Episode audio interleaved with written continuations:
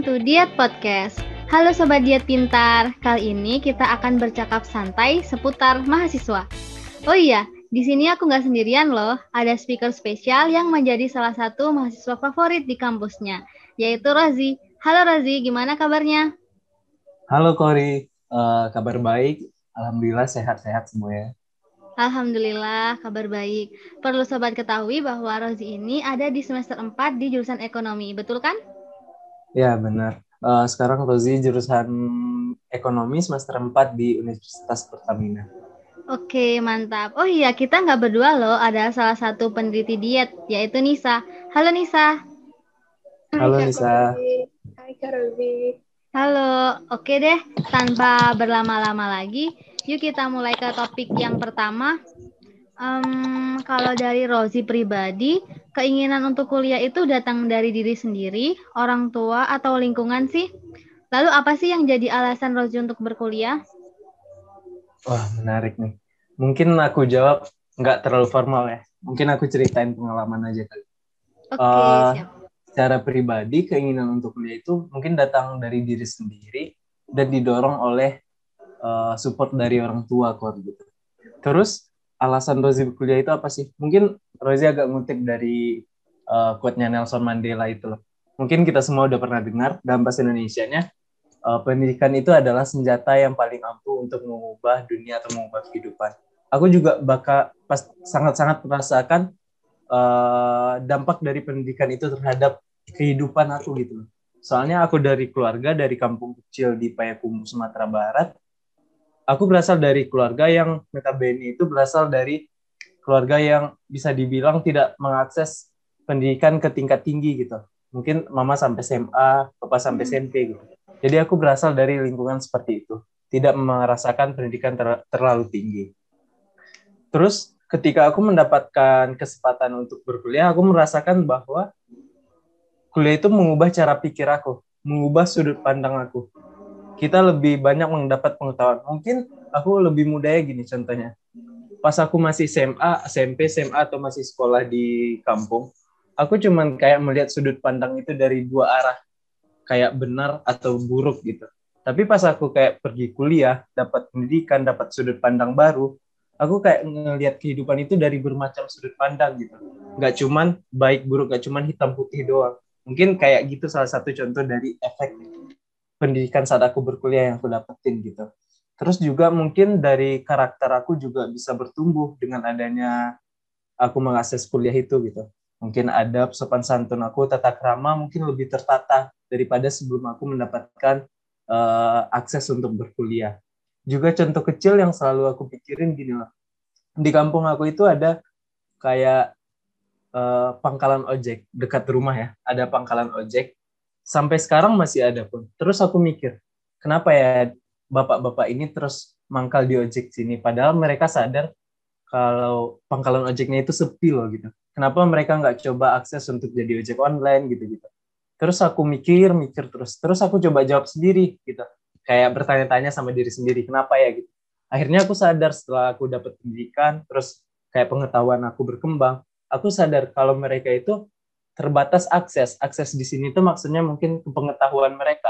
Pengetahuan itu mungkin dapat dari pendidikan ya. Jadi ada kayak hubungan antara pendidikan mereka dengan cara mereka mendapatkan akses gitu loh. Mereka mungkin nggak merubah menjadi ojek online karena mereka nggak tahu apa itu ojek online. Mungkin mereka nggak dapat pengetahuan tentang itu gitu. Mungkin itu bagaimana efek pendidikan terhadap kehidupan kita aku pikirnya. Wah, complicated banget ya jawabannya. Mantap deh. itu mungkin okay. cerita dari pikiran aku sih. Siap-siap. Lalu Nisa, gimana? Ada yang ingin ditanyain? I iya nih Kak, Nisa mau tanya juga nih sama Kak Rozi. Kalau menurut Kakak, apa sih yang bisa kita lakukan nih selama kita jadi mahasiswa? Ya selain tentunya kita harus belajar gitu sebagai mahasiswa. Oh, Oke. Okay. Mungkin dari pengalaman pribadi juga kali ya. Aku juga nggak bisa kan nyeritain tentang mahasiswa lain, aku mau ceritain diriku sendiri tentang apa yang aku alami saat menjadi mahasiswa. Mungkin dulu pas saat SMA kita hanya fokus untuk mengejar nilai-nilai akademik gitu. Tapi saat kuliah itu kita punya akses lebih untuk mengeksplor hal yang lain, tidak cuma belajar. kalau Rozi sendiri berangkat lagi untuk mengeksplor hal lain itu dari tujuan kita sih misalnya. Kita nggak dituntut untuk harus terus belajar. Misal tujuan kita itu kayak kita ingin bisa bersosialisasi, bersosialisasi, bersosialisasi. Kita ingin bisa uh, hebat dalam public speaking. Itu tujuan kita. Maka yang harus kita tempuh dalam pendidikan kita di kuliah itu kita harus mengikutkan diri kita ke organisasi atau apa atau organisasi bisa dibilang organisasi yang mewadahi kita untuk mengembangkan tujuan kita tersebut gitu. Terus kita misal kita ingin berbakat dalam bidang tulis menulis.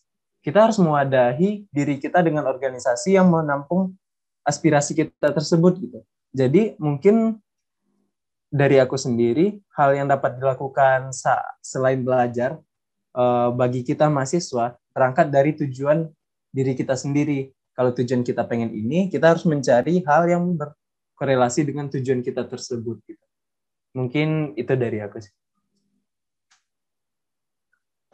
Oh, gini deh. Kalau menurut sih, ada nggak kendala dalam perkuliahan itu? Wah, ada banget sih, Kor. Kalau menurut aku, yang aku rasain ya, kendala dalam kuliah itu kayak kita mungkin darah muda juga kali ya. Kayak pengen coba semuanya gitu loh. Jadi kita sulit untuk nemuin yang namanya kayak kita sulit percaya sama proses gitu. Kita pengen instan, instan, kita pengen ikut ini terus jadi gitu. Kita pengen hebat di sini terus jadi. Kalau aku yang rasain itu sih selama perkuliahan. Soalnya kalau kita cuma belajar gitu kan, kadang-kadang kita mungkin muda, mungkin gara-gara masih muda kali ya. Kita kayak bosan belajar, terus kita ikut organisasi. Kita pengen lebih di sini, kita bosan prosesnya gitu. Mungkin kendalanya diproses sama konsistensi gitu. Kayak konsisten untuk belajar, konsisten untuk uh, melaksanakan suatu kegiatan gitu. Mungkin aku sulitnya di sana sih. Iya, Kendala. betul banget. Itu juga yang aku rasain sih sebenarnya. Kalau dari kamu gitu, ada nggak sih uh, solusi buat menghadapi kayak gitu sih? Misalnya konsistensi, terus bertahan terhadap proses yang ada gitu.